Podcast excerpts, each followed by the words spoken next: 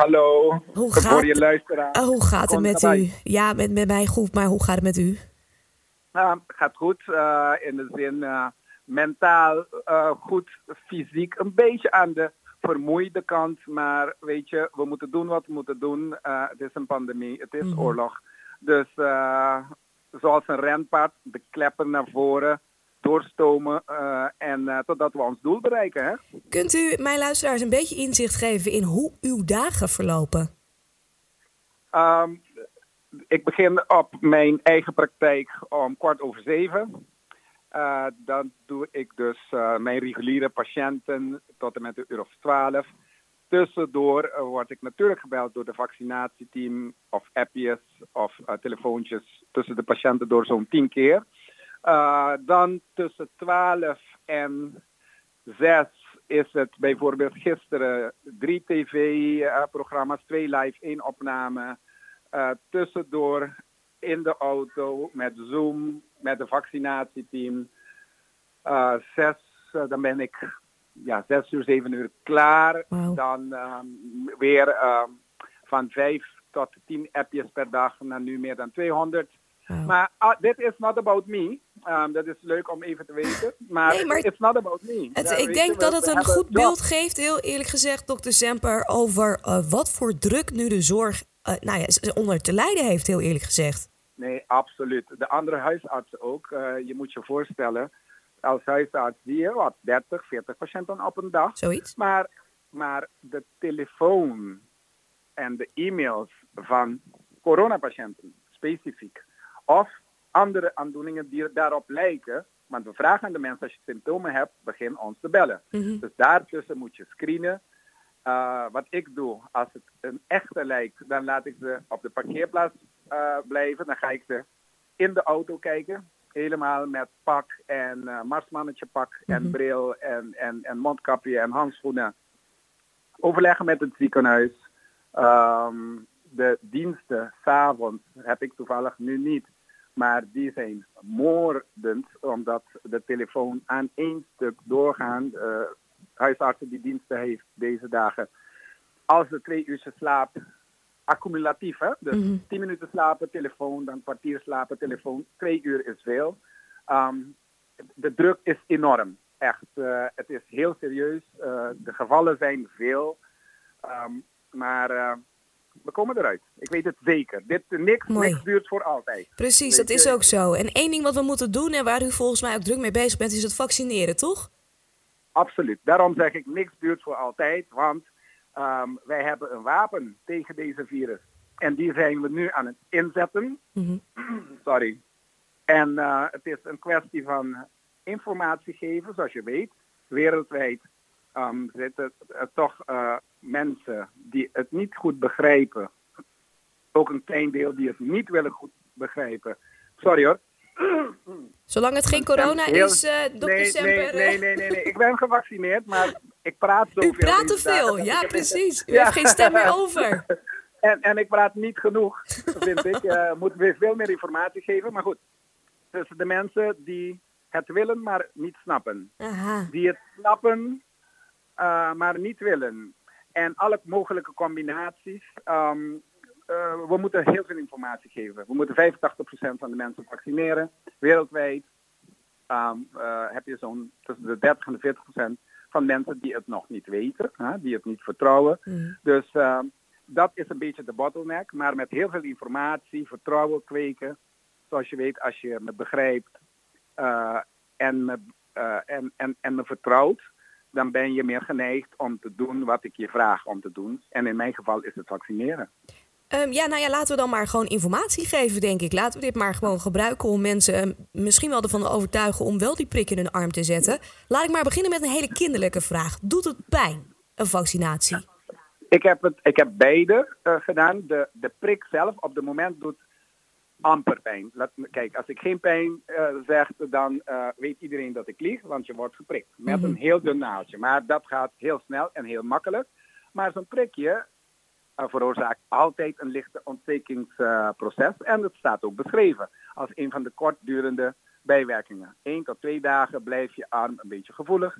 Ehm, andere bijwerkingen dat je kan krijgen. En natuurlijk heb ik het geluk dat ik alles kreeg in één keer. Koorts, spierpijn. Uh, wat fijn. Uh, U bent zelf het beste voorbeeld.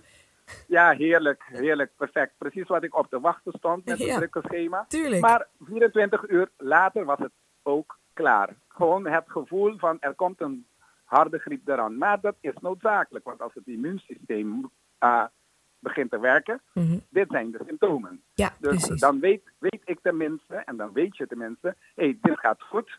Dus uh, het is uh, een blessing als je dat voelt. Ja, dus als je een beetje grieperig bent erna, dan denk je eigenlijk, hé, hey, wat goed, mijn immuunsysteem doet het goed. Uh, die maakt nu op dit moment eigenlijk soldaatjes aan om tegen het coronavirus te vechten. Precies, maar dan weet je dat ook voor de rest van je leven nu, elke keer als je een griepje krijgt en je begint je een beetje rot te voelen, dan weet je, aha, de leger is zich aan het voorbereiden. Dus laat me rustig mijn soepje drinken, laat de soldaten hun ding doen en dan komt het goed. Goed om te weten. Oké, dus één, het doet een beetje pijn en je kunt er wat bijwerkingen van krijgen. Ik heb begrepen dat er vier mensen tot nu toe zijn geweest op Curaçao die uh, echt moesten worden geholpen met een anti-allergietablet. Klopt dat? Precies. Uh, we hebben circa 17.000 mensen geprikt.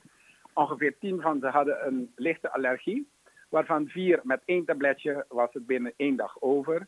Um, wat ik altijd erbij vertel, één op de 100.000 mensen hebben een kans op een uh, echte serieuze anafylactische reactie. Wat is dat? Een, een, ik vat het zo samen, dat is een allergische reactie op steroids. Dus dat is een hele gevaarlijke situatie waar je ook zonder hulp dood aan kan gaan. Laten we gewoon eerlijk zijn. Mm -hmm. Maar, maar, maar, maar, maar. Daarom hebben wij observatieartsen. Niet één, maar twee.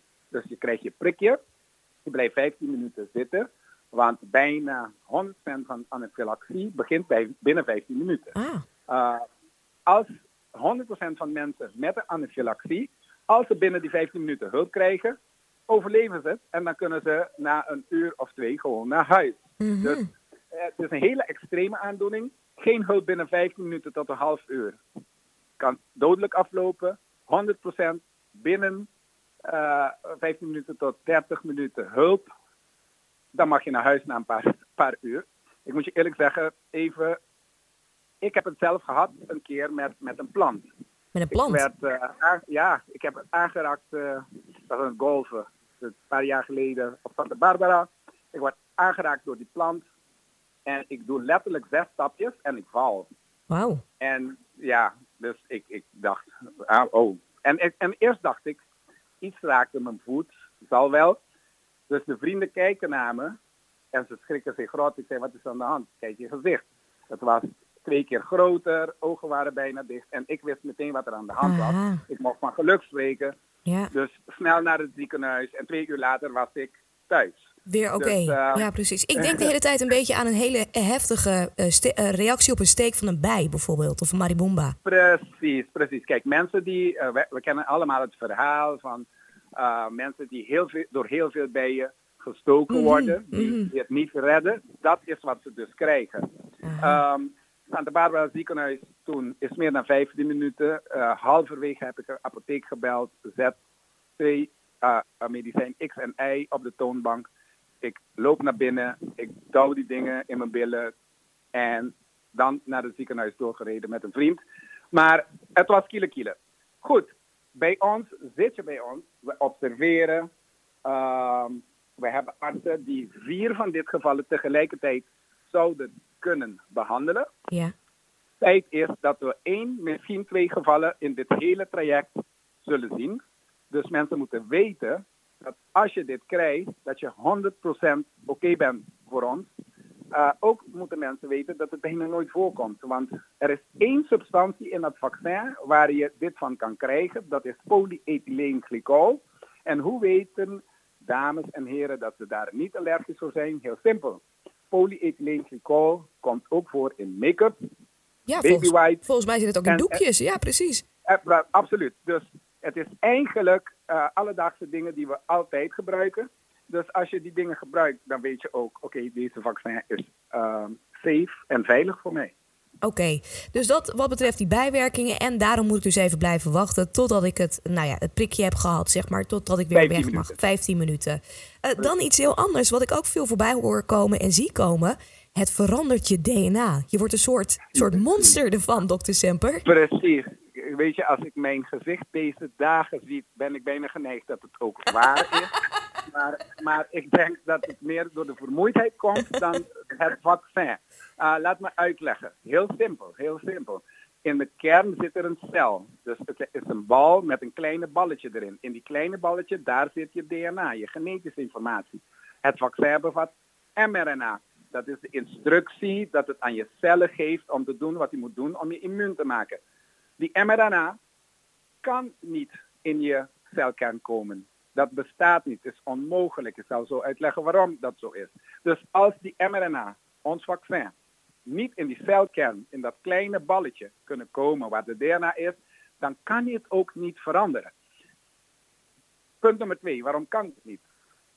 In het natuur, in, in de menselijk lichaam, elke seconde wordt van DNA mRNA gemaakt. Mm Dus wordt van DNA receptjes gemaakt naar de cellen toe om te zeggen maak eiwit A, B, C. Dat is een one-way street. Vanuit DNA wordt mRNA geboren. Dat gaat uit de celkern richting dat, dat, dat, dat ruimte buiten de kern. En wordt proteïnen, eiwit gemaakt. Waarom zeg ik het is een eiwit, uh, een, een one-way street? Van vuur krijg je bijvoorbeeld rook. Ja. Er is geen enkele manier dat je van die rook vuur kan maken. Geen enkele manier, dat weten we. Mhm. Het is een one-way. Vuur, rook, klaar. Dus M, DNA, mRNA, klaar. mRNA kan niet terug naar DNA. Om, naar DNA. Het is chemisch onmogelijk. Oké, goed om te weten. Ook dat afgevinkt. Uh, volgend punt is, ik word er ziek van. Dat zeggen heel veel mensen. Die zeggen, ja nee, het aantal zieken wat we nu hebben op eh, Curaçao... ja, dat, dat loopt precies gelijk met de vaccinatie. Dat is geen toeval. Ja. ja, het is toeval. Ik zal je uitleggen waarom. In het vaccin zit mRNA, een genetisch recept om een bepaald eiwit te maken dat antilichamen, die antilichamen zijn gewoon eiwitten de test, de coronatest, we testen op de virus zelf. Maar de vaccin bevat de mRNA. Bij ons is het puur toeval. Ik neem, waarom weten we dat? Want in uh, Verenigde Staten heb je 50 steden. Een paar steden hebben een soort lockdown. Andere steden hebben geen lockdown. Mhm. Nou, ze zijn allemaal aan het vaccineren in de steden dat je ziet dat geen lockdown is, zie je gewoon ook die cijfers stijgen. In de steden die wel een lockdown langdurig hebben, zie je mooi die cijfers dalen. Kijk naar Israël, beste voorbeeld. Harde lockdown, zeven keer per dag, 24 uur per dag, vaccineren. En dan zie je heel mooi ziektes, ziekenhuisopnames en doden worden minder. Mm Recht evenredig met het terwijl de aantal mensen die gevaccineerd worden. Dus nee, we hebben genoeg bewijs. Kijk niet naar Curaçao. Curaçao heeft 160.000 man. In de wereld zijn er meer dan 500 miljoen mensen gevaccineerd. En bij de grootste meerderheid van deze uh, landen zie je precies een heel, heel mooi dat grafiekje. Vaccinaties omhoog, ziektes en PCR-tests omlaag. Dat willen we, dat moeten we. Dat willen we, dat moeten we. Ja, dat moeten we. Ja, ja, ja. ja. Het is, eh, weet je, wetenschap is heel simpel. 1 en 1 is 2. Ook in de medische wetenschap. Het is niet anders. Nee, precies. Nog heel even. Ik krijg geen uh, chippy van uh, Bill Gates in mijn neus of in mijn arm gespoten, toch? Um, ik had persoonlijk gehoopt dat dat zo was. Want dan had ik echt uh, drie keer die vaccin gehad. Dan hoef ik niet met een telefoon rond te lopen. Snapt u? Zodat mijn location bepaald wordt. En, en u wordt ook niet betaald, toch? Door Bill Gates nu, om dit aan mij te vertellen. Precies. Nee. Uh, nee, precies. Nee, nee. Weet je, kijk, die conspiracy theories maken we grappen over natuurlijk. Maar laten we even serieus en logisch nadenken. Stel dat Bill Gates wilde dat we een chippy in ons lichaam krijgen. Waarom zou hij wachten totdat er een ziekte zou zijn waar de hele wereld met arendsogen naar kijkt, een vaccin komt dat iedereen tot in details naar kijkt Hij, had het al lang in paracetamol gewoon gezet, Ja. joh. Want, Ja, veel simpeler. Waarom wacht hij? Ja, veel simpeler. Dan krijg je niet al dit gezeik aan zijn kop. Meneer Gates, als hij zo snel zo, zo slim is om een chip in ons te zetten, dan zal hij dit moment niet hebben gekozen. Oké, nou, goed om te weten. Goed, eh, dokter Semper, en nog een belangrijke vraag. Wanneer denkt u dat de overgrote deel van Curaçao gevaccineerd is?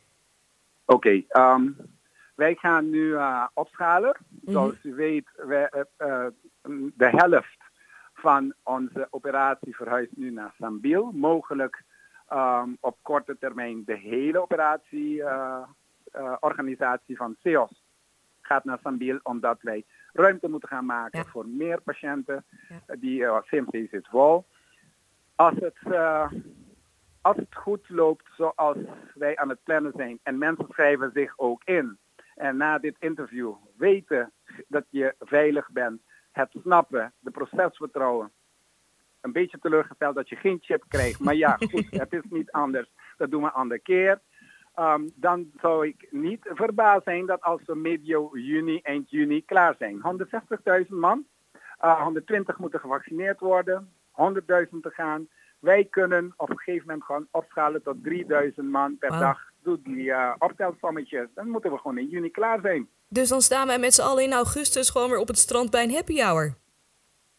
Absoluut, en zonder mondkapje. Want, wat weten we nu? Wat weten we nu? Heel belangrijk.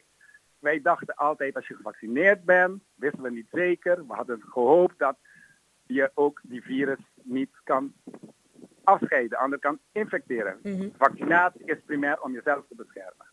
Ehm, maar we zeggen vaccineer, mondkapje, omdat je anderen kan uh, aansteken. Nou, de onderzoek, het eerste onderzoek laat duidelijk zien dat mensen gevaccineerd zijn, anderen ook niet kunnen af, uh, infecteren. Dus die happy hours zonder mondkapje, persoonlijk met een gin tonicje erbij, uh, komen eraan. Fijn, ik kan niet wachten om met u te proosten op een goed afloop van de coronapandemie. Absoluut, dat gaan we zeker doen. Uh, mensen, we zien een heel klein lichtpuntje aan het eind van die tunnel. Maar first things first, focus, let's keep our eye on the prize. Doorstomen, recht vooruit als een renpaard. Niks anders is belangrijker zoals dit.